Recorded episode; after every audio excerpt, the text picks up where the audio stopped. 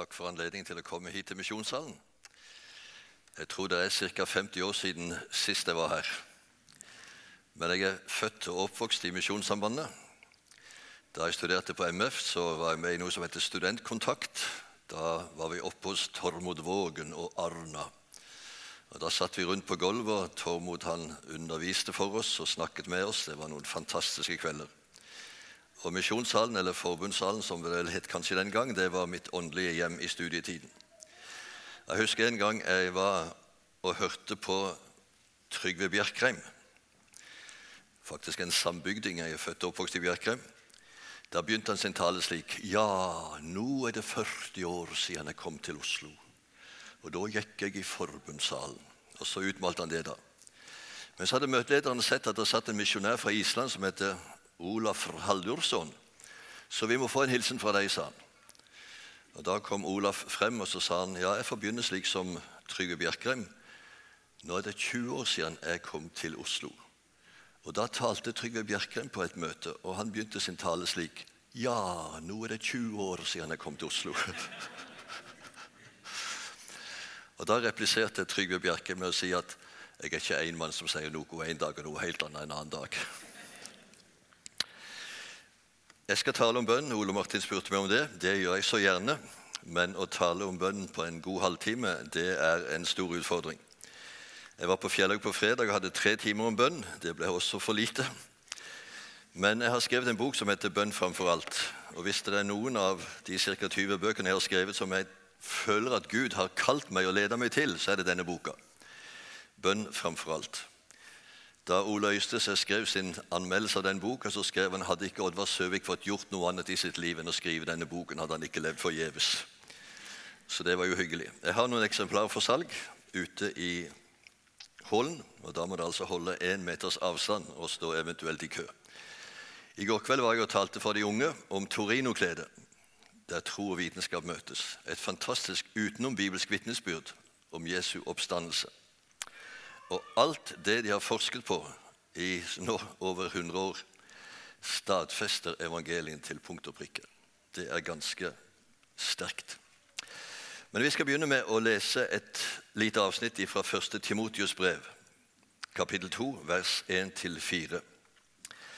Jeg formaner dere framfor alt til å bære fram bønn og påkallelse, forbønn og takk for alle mennesker Be for konger og alle i ledende stillinger, så vi kan leve et stille og fredelig liv med Guds frykt og verdighet i alt.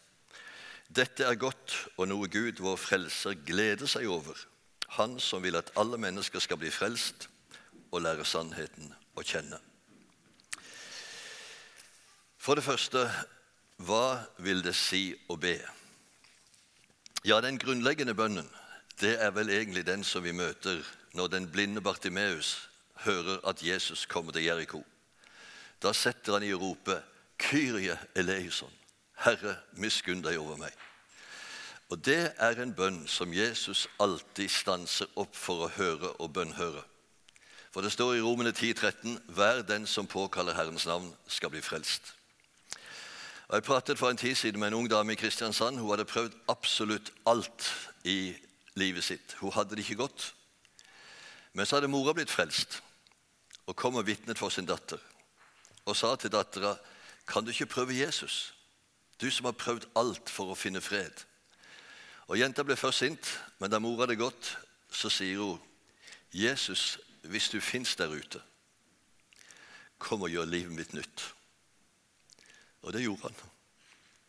Og hun går rundt og stråler fordi hun tok imot Jesus som sin frelse. Og Når vi tar imot Jesus, så gir han oss rett til å kalles Guds barn. Og når vi har fått barnerett, har vi også fått bønnerett. Og Her i dette lille avsnittet så nevner Paulus fire forskjellige former for bønn.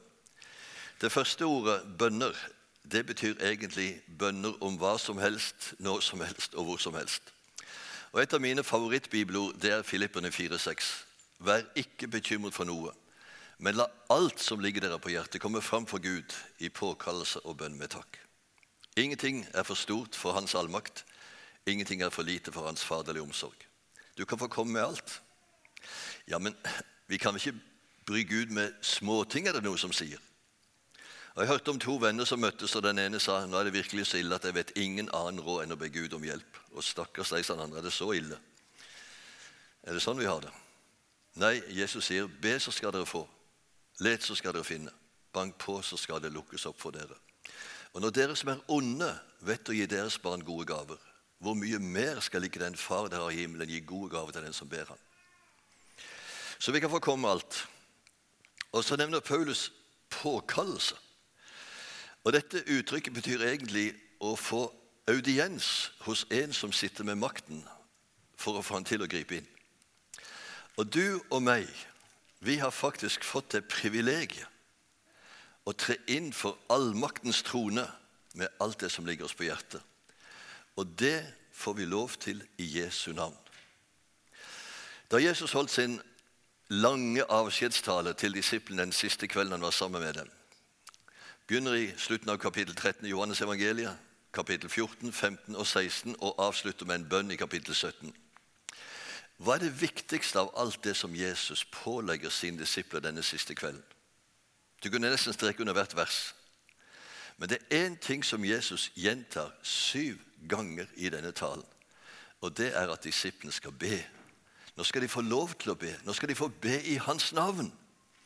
Og I kapittel 16, vers 24 står det hittil har dere ikke bedt om noe i mitt navn. Be, og dere skal få, så deres glede kan være fullkommen. Så bønn er ikke en tung, sur plikt som Jesus legger på oss, men det er faktisk en invitasjon til glede. Fullkommen glede. Men hva betyr det da å be i Jesu navn? Betyr det å henge på Jesu navn på slutten av sin bønn, og så har du bedt i Jesu navn? Nei.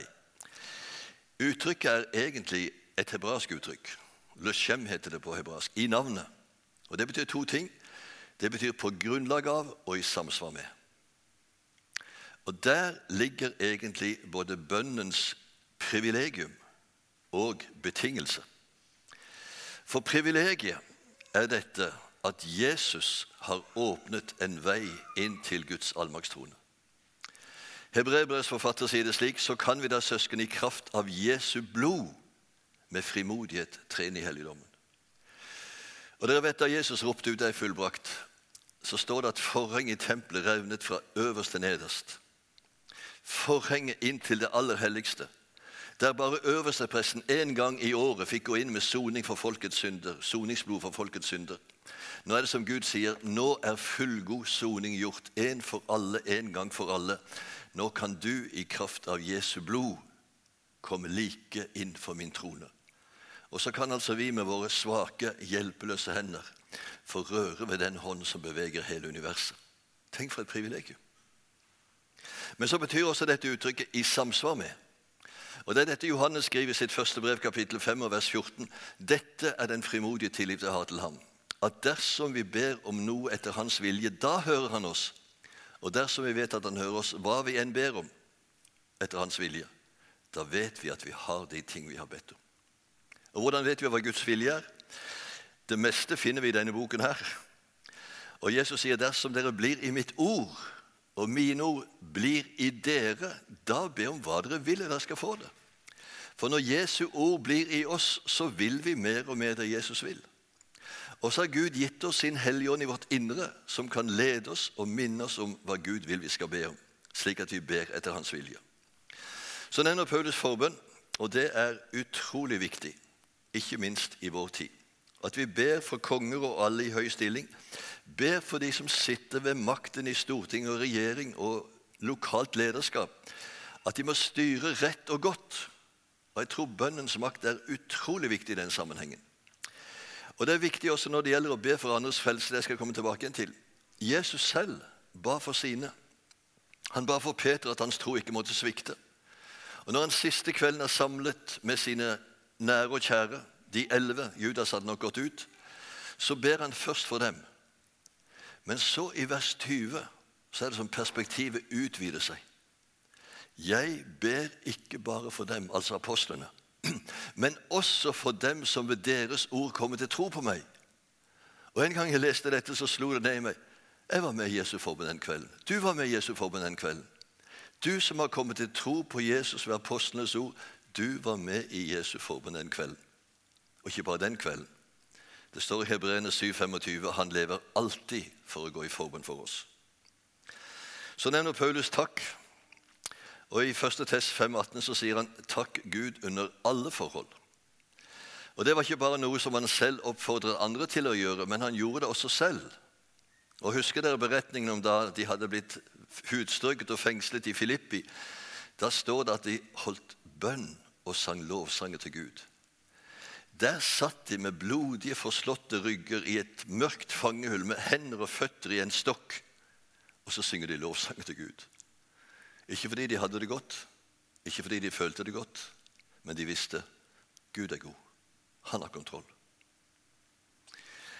Og Derfor er det mulig å takke Gud under alle forhold.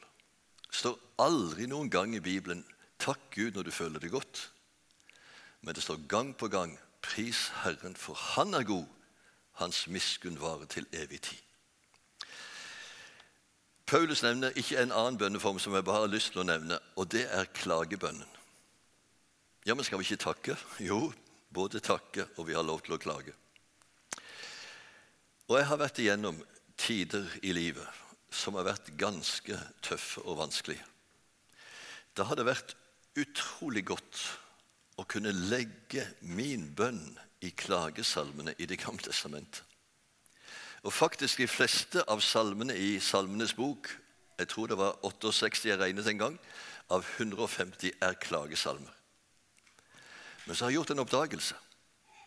Bortsett fra én, kanskje to, så er det ingen klagesalme som er ren klage. Når salmisten har utøst sitt hjerte for Herren i sin smerte og sin nød og klager til Gud, sover det Gud. Hvor lenge skal fienden ha overtaket? Kom og hjelp meg!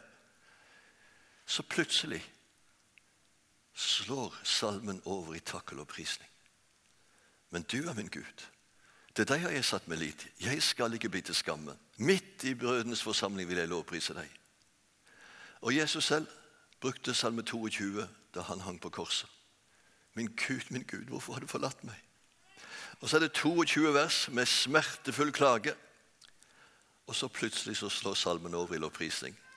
Midt i de helliges forsamling vil jeg lovprise deg, for du har sett til meg i nåde. Og det er en hemmelighet. For takkebønnen, lovprisningsbønnen, hjelper oss til å vende blikket bort fra problemene opp til problemløse. Neste hovedspørsmål hvorfor skal vi be?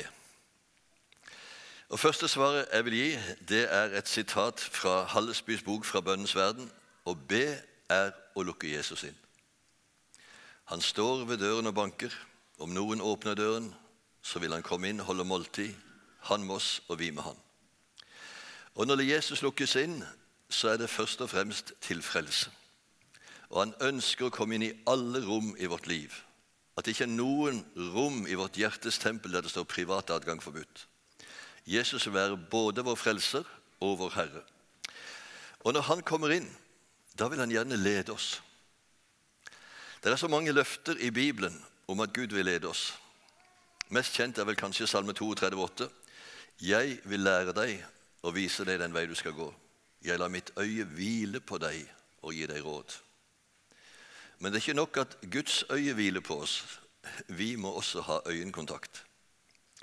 Og Dere husker beretningen om Martha og Maria som får besøk av Jesus. Martha begynner som enhver god husmor å stelle i stand mat til Jesus og disiplene. Maria setter seg ved Jesu føtter. Og Maria hun inntar rett og slett disippelplassen foran Jesu føtter. Han er læreren, hun er lærling. Maria Martha går der og steller i stand og er mer og mindre sur på sin søster og ber om at Jesus må si til henne at hun skal hjelpe henne. Og da er det Jesus sier, 'Martha, Martha, du gjør det og uro med mange ting. Ett er nødvendig.' Ett er nødvendig. Maria har valgt en god del, og den skal ikke tas fra henne. Og nå har jeg hørt en del talere som har forsvart Martha og sagt at hvis alle hadde vært som Maria, så hadde ingenting blitt gjort i denne menigheten. Det er ikke det som er poenget. Det er først Mariaplassen, og så Martha-tjenesten. Ordrett står det på grunnteksten at Martha var dratt i mange retninger for å tjene Jesus. Hun var dratt i så mange retninger at hun hadde glemt hovedretningen. Og Jeg er redd for at vi ofte begynner slik som Martha. Vi styrer og steller og står i på alle mulige bauger og kanter og sier 'Kjære Jesus, vil du velsigne det vi har funnet på?' Ikke sikkert Jesus ville dette. Vi gjorde det bare av gammel vane, nesten sagt. Kanskje vi først skulle ha lyttet til Herrens røst, hørt hva som ligger på hans hjerte, slik at vi kunne vandre i velsignelse. For jeg tror også, når vi er i Guds plan, så vil Gud gi oss kraft til å gjøre det Han kaller oss til. Ja, jeg tør påstå at Gud setter oss aldri til oppgaver som Han ikke er mektig til å utføre gjennom oss. Men da er det viktig at vi er i Guds plan. Og Da kommer det ikke an på vår styrke, men det kommer an på hans styrke. Paulus sier faktisk 'når jeg er svak, da er jeg sterk'. Alt makter jeg i ham som gjør meg sterk. Og ikke bare vil jeg gi hans kraft til å tjene, men også kjærlighet i tjenesten. Og det er også viktig at vi kan leve ut Åndens frukt i hverdagen, som i en sum er kjærlighet. Og I bergprekenen sier Jesus, 'Elsk deres fiender. Be for dem som forfølger dere.' 'Gjør vel mot dem som hater dere, og velsign dem som forbanner dere.' Nå håper jeg ikke du har noen fiender, men kanskje har du noen som du helst ikke vil treffe for ofte. Hva gjør du da? Går du en stor omvei for å slippe å møte dem? Jeg kom på kant med en kollega for noen år siden, og jeg syns han oppførte seg så dårlig at jeg bestemte meg for all kontakt skal heretter være brutt. Det var bare det at uansett hvor jeg leste i Bibelen, så sto det noe annet. Så jeg oppsøkte en sjelesørger og sa hva skal jeg gjøre? Bibelen sier at jeg skal elske han, ikke gjengjelde vondt med vondt, overvinne det vonde ved det gode osv. Videre, og, og jeg vil ikke ha noe med han å gjøre. Etter å ha hørt på min smerte så sier han ganske rolig 'Har du en bønneliste, Oddvar?' Jo, jeg hadde jo det. Ja, gå hjem og sett navnet hans øverst på bønnelisten, og så ber du om at Gud må rikelig velsigne han hver dag. Aldri i livet, sa jeg. Hvorfor ikke, sa han. Det ville være hykleri. Jeg ønska dit pepperen gror, og så skulle jeg be Gud måtte velsigne. Nei takk. Så så han rolig på meg, så sa han bare, si meg en ting, Oddvar. Skal du bare gjøre det som du føler er godt, eller skal du gjøre det som er rett? Jeg skal vel gjøre det som er rett, sa jeg litt spakere.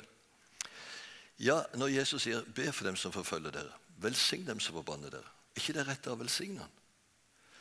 Jo, det er vel det, sa jeg. Tusla hjem, fant fram min bibel og min bønneliste og skrev navnet hans øverst og sa 'Kjære Gud, vil du velsigne ham i dag?' Hjalp ingenting. Hjalp ikke så mye neste dag heller. Men etter hvert så skjedde det noe forunderlig. Det var som Guds kjærlighet ble utøst i mitt hjerte. Og så begynte jeg å se. Det var sannelig ikke bare hans feil.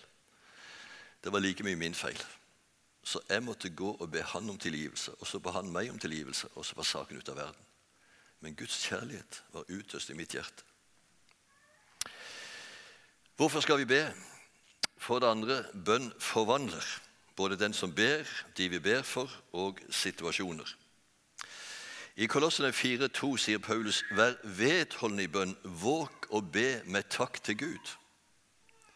Hvorfor skal vi være vedholdende? Er det fordi at Gud er treg og uvillig, og at vi må mase på han før han gir etter? Nei. Bønn er ikke primært å vende Guds vilje etter vår, men faktisk å gi Gud anledning til å vende vår vilje etter sin. Og jeg tror Når vi er vedholdne i bønn, så får Gud anledning nettopp til det.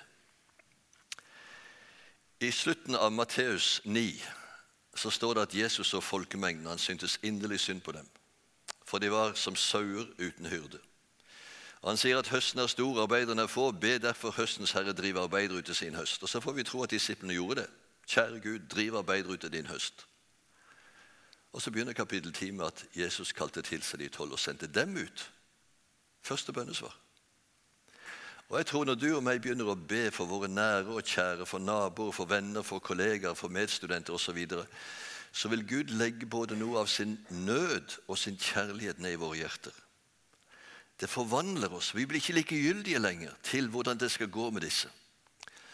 Paulus sier i Romene til at hans hjertes ønske og bønn til Gud er at hans landsmenn må bli frelst. Og Det er så smertefullt for han at han sier han er villig til å bli forbannet bort fra Kristus om det bare kunne gagne hans landsmenn. Det skjer noe med oss som ber. Og så skjer det noe med de som vi ber for. I vers 3 i Kolossene 4 så fortsetter Paulus med å si be om at Gud må åpne en dør for ordet. En dør inn til hjertene til disse menneskene. Og Jeg hadde en god venn i Kristiansand. Han er jeg har nesten sagt dessverre hjemme hos Herren nå. Men han var en frimodig evangelist og en trofast forbeder. Og Han fortalte meg en gang at han og kona pluss et annet ektepar de hadde blitt enige om at de skulle be for et tredje naboektepar, at de måtte bli frelst. Og De skulle be morgen, middag og kveld. Tre ganger om dagen. Enten de var sammen eller hver for seg. Så går det bare tre måneder, fortalte han. Så skulle det være noen møter i Kristiansand bedehus. Og Da fant min venn på at nå skal jeg gå og invitere disse naboene med på møte. Som tenkt, så gjort. Han ringer på, mannen kommer ut. Og min venn spør har dere lyst til å bli med på møte i bedehuset i kveld. Hvorfor det, sier mannen. Ja, spør du, så får jeg si som sant det. Jeg ønsker så inderlig at du og kona di må bli frelst. Ja, må vi gå på møte for å bli frelst? Strengt tatt ikke, men går man på møte og hører Guds ord, så kommer man gjerne til tro, og så blir man frelst. Ja, det går ikke an å bli frelst her, spurte man. Jo, selvsagt. Ja, kan du komme inn og forklare oss hvordan? Og det kunne min venn. Så på en enkel og god måte forklarte han evangeliet ut fra Johannes 3, 16 om Gud som elsker oss, verden betyr de menneskene som bor der, Jesus som sonte for våre synder, og at vi ved tro på ham ikke skal gå fortapt, men ha evig liv. Og Det å tro sånn, det er å invitere Jesus inn i sitt liv som sin frelser. Herre, ønsker du og din kone å gjøre det i kveld? Ja, sier de. Og så får han be til frelse med dem i deres egen stue. Og så sier man Du kan tro det har vært en underlig tid for oss i det siste. Vi har følt at Gud har kalt på oss. Det er som en uro som har kommet over oss morgen og middag og kveld. Kjære Gud, kall på våre naboer. Frels dem. Og så kan bønn forvandle situasjoner. Dere husker da Peter var kastet i fengsel, skulle henrettes når påskehøytiden var over. Da står det at menigheten ba inderlig til Gud for ham. Og der i cellen, natten før han skal lide og dø, henrettes, der ligger Peter og sover. Det må vel være Guds fred som overgår all forstand. Og så kommer en engel vekker Peter, lenkene faller av, celledøren går opp, porten til gaten går opp. Og Peter tror det er et syn, men skjønner det er virkelighet. Løper dit de troende er samlet i bønn, banker på. Tjenestepiken kommer og lukker opp, men blir så forfjamset når hun hører Peters stemme at hun springer inn og sier 'Peter står utenfor'. Du må være fra forstanden, sier de. Det må være hans engel. Men det var Peter. Og Så kan vi spørre hadde det skjedd hvis de ikke hadde bedt. Og så kan vi også spørre hvorfor ble Jakob henrettet? Hvorfor ble Peter berget? Og Det gir ikke Bibelen noe svar på. Men vi lever på en måte i et spenningsfelt mellom på den ene siden be, så skal dere få.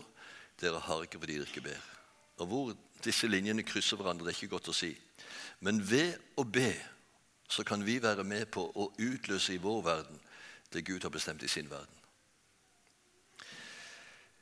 For det tredje, hvorfor skal vi be? Fordi bønn er et mektig våpen. Og vi er faktisk i krig. Vi har ikke kamp mot kjøtt og blod, sier Paulus i Efesene 6, men mot makter og myndigheter, mot ondskapens ånde her i himmelrommet. Og vi ser i dag hvordan den åndskampen blir hardere og hardere og skarpere og skarpere. Hva gjør vi da? Trekker vi oss tilbake? Gjemmer vi oss på bedehuset? Eller går vi i offensiv bønn mot mørkets makter og myndigheter? Og I denne sammenhengen så er bønnen et våpen både til forsvar for oss selv, til beskyttelse for andre og til angrep. Da Jesus er på vei inn i Getsemane den siste kvelden før han blir tatt til fange, så sier han til disiplene, 'Våg og be så dere ikke skal komme i fristelse'. Men vi husker de sovnet alle sammen. Og Peter, som hadde sagt at om alle andre svikter deg, jeg skal ikke svikte, jeg er villig til å dø med deg. Han står og banner på at han ikke kjenner Jesus litt seinere.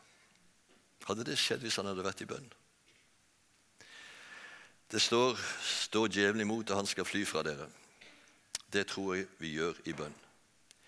Så kan vi også be om beskyttelse. Og jeg tenker enhver pastor, prest, predikant, misjonær, leder som står foran i striden, trenger noen som kan be om beskyttelse. Paulus var jo en bønnens mann. Han ba for sine menigheter og medarbeidere. Han ber selv om forbønn, at de rette ord må bli gitt når han skal tale. Og på vei til Jerusalem etter tredje misjonsreise så har han fått profetiske budskap om at i Jerusalem venter trengsel og forfølgelse. Ganske riktig. Han kommer i tempelet. Der blir han oppdaget, og de holder på å rive han i filler. Men han blir berget av en romersk kommandant og hans tropp. Men på veien hadde han skrevet til romermenigheten. Og I kapittel 15 vers 30 sier han Kjemp sammen med meg ved å be til Gud for meg. Be om at jeg må bli berget fra de vantro i Judea. Og det får vi tro de gjorde. Men jødene er så forbitret at 40 mann de sverger på at de skal ikke smake verken mat eller vann før de har tatt livet av Paulus. Dette får nevøen til Paulus nyss om og går til kommandanten og sier at du må ikke utlevere Paulus, de vil bare henrette han, ta livet av han. Og Så sender kommandanten Paulus til Cesarea ved havet, ledsaget av 200 soldater, 70 ryttere og 200 lett bevæpnede menn. Ble han berget? Ja. Fikk han bønnesvar? Ja. Men så er faktisk også bønn et våpen til angrep. Og Når vi leser disse krigsberetningene i Det gamle testamentet, så er det ofte litt underlig og grufull lesning. Men jeg tror at en del av disse beretningene kan vi lese som et bilde på den åndskamp vi står i. Israelsfolket hadde jordiske fiender. Vi har ingen jordiske fiender, men vi har åndsmakter som fiender. Og de samme prinsipper gjelder i den kampen. Og En av de første krigsberetningene vi leser om, det var da israelsfolket hadde kommet ut av Egypt, gjennom Rødehavet, over på andre siden. Nå trodde de at alt var herlighet og glede. Men der kom amalekittene. Et nomadefolk som levde av krig og plyndring. Og Moses sier til Josua ta med deg hæren og gå til strid. Selv tar han med seg Aron og Hur og går opp i fjellet for å be. Og Da gikk det slik at så lenge Moses holdt hendene løftet, da var israelittene sterkest. Men det å be det kan være et tungt arbeid. Og så begynte hendene å synke. Men da kommer heldigvis Aron og Hur og er med og holder hendene støde like til kvelden. Og Så står det i 2. Mosebok 17.: Slik vant Josva en veldig seier over amalekittene. Men jeg har skrevet i margen hvor ble krigen avgjort? På sletten eller på høyden? På høyden. Og Av og til når jeg leser møteannonser i Federlandsvennen på fredag og lørdag, spalte opp og spalte ned med møter overalt, gudstjenester osv., og så, videre, så har jeg av og til spurt hvor mye skjer på disse møtene? Blir mennesker frelst? Blir mennesker fornyet? Blir mennesker forvandlet, oppreist, frigjort, helbredet? Hva skjer? Blir det enda et møte til møteavholdelsens fremme? For mange år siden var jeg på en konferanse der Gottfried Osei Mensa, daværende generalsekretær i Lausanne-bevegelsen, talte. Og Han stilte et spørsmål som jeg aldri har glemt. Hva ville ha skjedd hvis Gud tok sin Hellige Ånd bort fra din menighet? Ville alt fortsette som før, eller ville alt bryte sammen? Svaret du gir på det spørsmålet, viser hvor avhengig du er av Guds ånd. Og så kom det stille. Jeg er redd for at mange menigheter ville fortsette som om ingenting hadde skjedd. Og Da er det menneskeverk. Da er det halm og stråbygging. Hvor avhengig er vi av Guds ånd? Nå syns du kanskje dette ble litt strevsomt. La meg si som det fjerde svar på hvorfor vi skal be bønn gir hvile. Bønn gir hvile midt i striden. I Matteus 11 så sier Jesus, 'Kom til meg, alle dere som strever og bærer tunge byrder. Jeg vil gi dere hvile.' Og så stopper vi gjerne der. Men Jesus fortsetter, 'Ta mitt åk på dere og lær av meg.' Så skal dere finne hvile for deres sjeler, for jeg er tålmodig og ydmyk av hjerte. Og Det verset gikk det lenge før jeg skjønte. For et åk! Da så jeg for meg et sånt enmannsåk som en onkel hadde bare vann til kyrne. Kunne det være noen hvile? Men så så jeg at det ordet som er brukt, er det samme som er brukt i 2. Korintene 6. Dra ikke i fremmed åk, men vantro. Og Det åket det er tale om, det er det dobbeltåket som man la over to okser når de skulle pløye for å dra lasset sammen. Og Da tok de gjerne en stor, sterk, erfaren okse og satte sammen med en ung, litt uerfaren. Og så skulle de trekke plogen eller lasset. Om den unge oksen ble litt sliten og trøtt, ja, den store oksen han dro både oksen og lasset eller plogen eller hva det nå var. Og han visste også veien. Det er faktisk bildet som Jesus bruker. Han sier, 'Kom og gå jogg sammen med meg.' Jeg vet veien. Jeg har kraften. Da kan du bare hvile sammen med meg. Så siterte jeg Filippene 4,6. Vær ikke bekymret for noe, men la alt som ligger dere på hjertet, komme fram for Gud i påkallelse og bønn med takk. Jeg hadde en gang den store glede og opplevelse må jeg si, å høre Corrie ten Boom tale. Corrie ten Boom har skrevet flere bøker, et par iallfall kom på norsk. 'Skjulested' og 'Landstryket fra Herren'. Familien hennes gjemte jøder under krigen, men det ble oppdaget, og de ble sendt i konsentrasjonsleir. Søsteren Betzy døde, men Corrie overlevde og reiste rundt i hele verden og forkynte etterpå. Og hun talte ut ifra det verset den gangen jeg hørte henne. Og Jeg glemmer aldri den talen. For hun hadde tatt med seg en stor bag og løftet den opp på talerstolen. Oh, dette er alle mine bekymringer, sa han. Og så står det jeg skal legge dem frem for Herren. Så tok hun ned i bagen og dro opp en lang strømpe og sa, 'Kjære Gud, hva skal jeg gjøre med dette problemet? Det er jo ingen ende på det.' dukker ned til en hanske. Kjære Gud, hva skal jeg med en hanske? Og slik sutrer hun seg gjennom hele bagens innhold. Til slutt ble det en hel haug med rot på talerstolen. Og Så sa hun ammen, og så putta hun alt opp i bagen, og så gikk hun videre helt nedbøyd. Det hjalp ingenting, sa hun. Men så oppdaget jeg hva som sto der. Ikke bønn og takk når jeg først hadde fått bønnesvar, men bønn med takk. Og nå ber jeg slik, sa han. Opp med bagen igjen, ned til strømpen. Kjære Gud, takk for dette problemet som jeg ingen løsning ser på. Det kan du vende til det gode. Og så ned til hansken. Og for hver ting som hun tok frem, så siterte hun et løfte fra Bibelen. Og takket Gud for det løftet og for hvem Gud er. Og så når hun var ferdig og hadde takket seg gjennom alt, så lot hun rotet ligge, og så gikk hun videre med tom bag. Da kjente jeg Guds fred som overgår all forstand, sa han.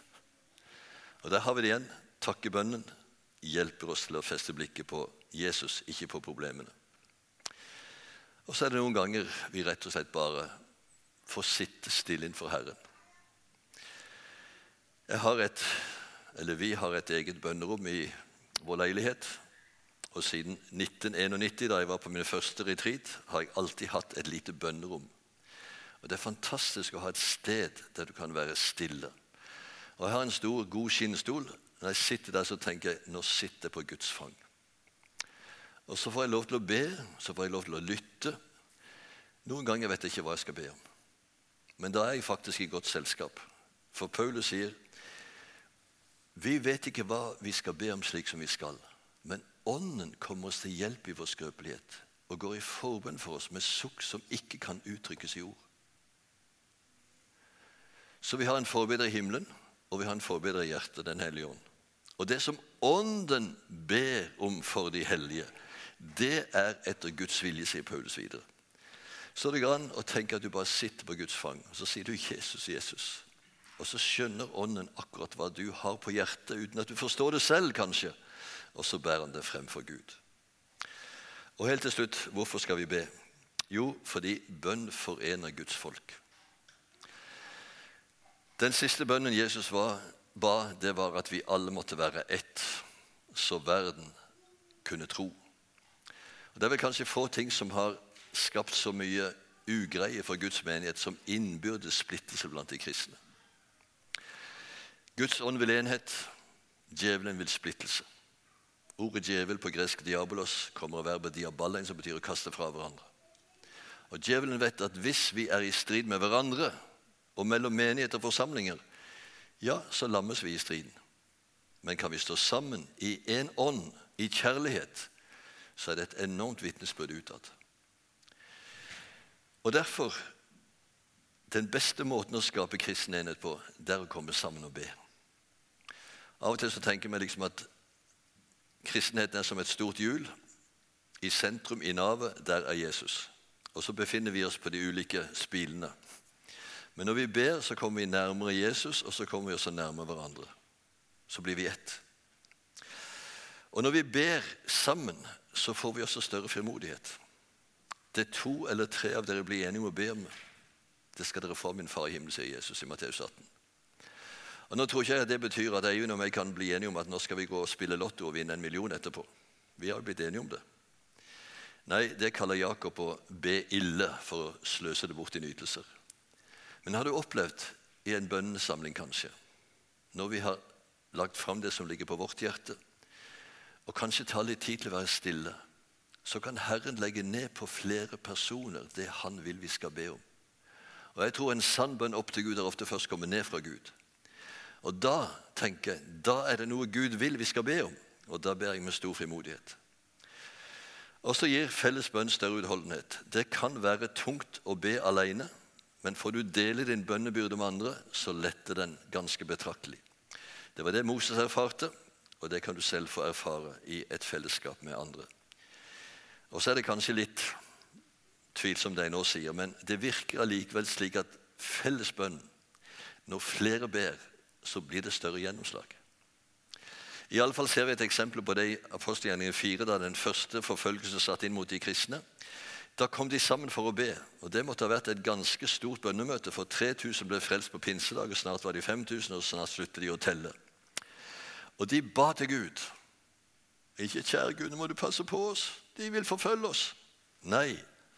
Gi dine tjenere frimodighet til å forkynne Kristi hemmelighet slik som de skal. Og rekk ut din hånd så det skjer helbredelse, tegn under ved din tjener Jesu navn. Her er det fulloffensivt. Og så står det da de hadde bedt, skalv stedet der de var samlet. Og de ble alle fylt av Guds hånd. og de talte Guds som med frimodighet. Jeg tror den største bønneopplevelsen jeg har hatt, det var på en bønnekonferanse i Korea for mange mange år siden. Konferansen som varte ca. en uke, avsluttet med tre døgn bønn 24-7. Ute i Souls største park, på størrelse med Vigelandsparken. Og Da kom jeg inn gjennom porten der og så i stedet for grønne plener bare et svart teppe så langt øyet kunne se, av hoder som var bøyet i bønn. Jeg ble bare stående og gråte. Og det var som stedet vibrerte. Og Sør-Korea på den tiden der regnet jeg med at det var ca. 30 aktive, bekjennende kristne. Og Jeg var med på et morgenbønnemøte Flere menigheter hadde morgenbønnemøte klokken fem til syv om morgenen hver dag. Klokken fem var jo et klokkeslett jeg bare hadde lest om. Men det var ufattelig godt å være til stede i den bønneatmosfæren. Og de hadde et bønnefjell utenfor byen. Jeg reiste opp dit en dag. Der var det et bønnekapell som tok ca. 1000 mennesker. Det var fullsatt. Og så var det masse bønnebenker og små bønnehytter rundt forbi på dette fjellet. Og Jeg krøp i en sånn liten bønnehytte. Den var så lav at jeg måtte krype inn. Det var bare en matte på gulvet og et kors malt på veggen. Jeg har aldri hatt en slik opplevelse av Guds hellighetsnerve som der. Jeg satt og gråt en times tid. Over min egen synd, over mitt folks synd. Og så var det som Herrens nærvær fylte denne hytta på nytt, og jeg satt og priste Herren og lo og gråt om en annen. Jeg kunne nesten ikke fortelle det lang tid etterpå, for jeg følte det var så hellig at det tok nesten bort noe av kraften i opplevelsen. Men Guds nærvær når vi ber, kan oppleves veldig sterkt noen ganger. Og til slutt alt dette som jeg nå har nevnt, det tjener til at Gud blir æret. Og det er jo det vi er kalt til, for både her i tiden og siden i all evighet, å prise og tilbe og opphøye vår Gud. Og Jesus sier i Johannes 14, 13, Det dere ber om i mitt navn, vil jeg gjøre, så Faderen blir æret gjennom Sønnen. Dersom dere ber meg om noe i mitt navn, så vil jeg gjøre det. Til Gud Faders ære. Amen. La oss be. Takk, Herre Jesus, for det privilegiet du har gitt oss, at vi skal få be til deg under alle forhold, om alt. Ingenting er for vanskelig for deg. Du sier selv skulle noen ting være for vanskelig for meg. Nå vil jeg be Jesus for denne forsamlingen, at du vil utøse over oss nådens og bønnens ånd, slik at det å be det blir like naturlig som å puste. At vi kan be til deg under alle forhold, uavlatelig. Takk at du er en Gud som hører bønn, og som vet å gi langt mer enn vi forstår og ber om.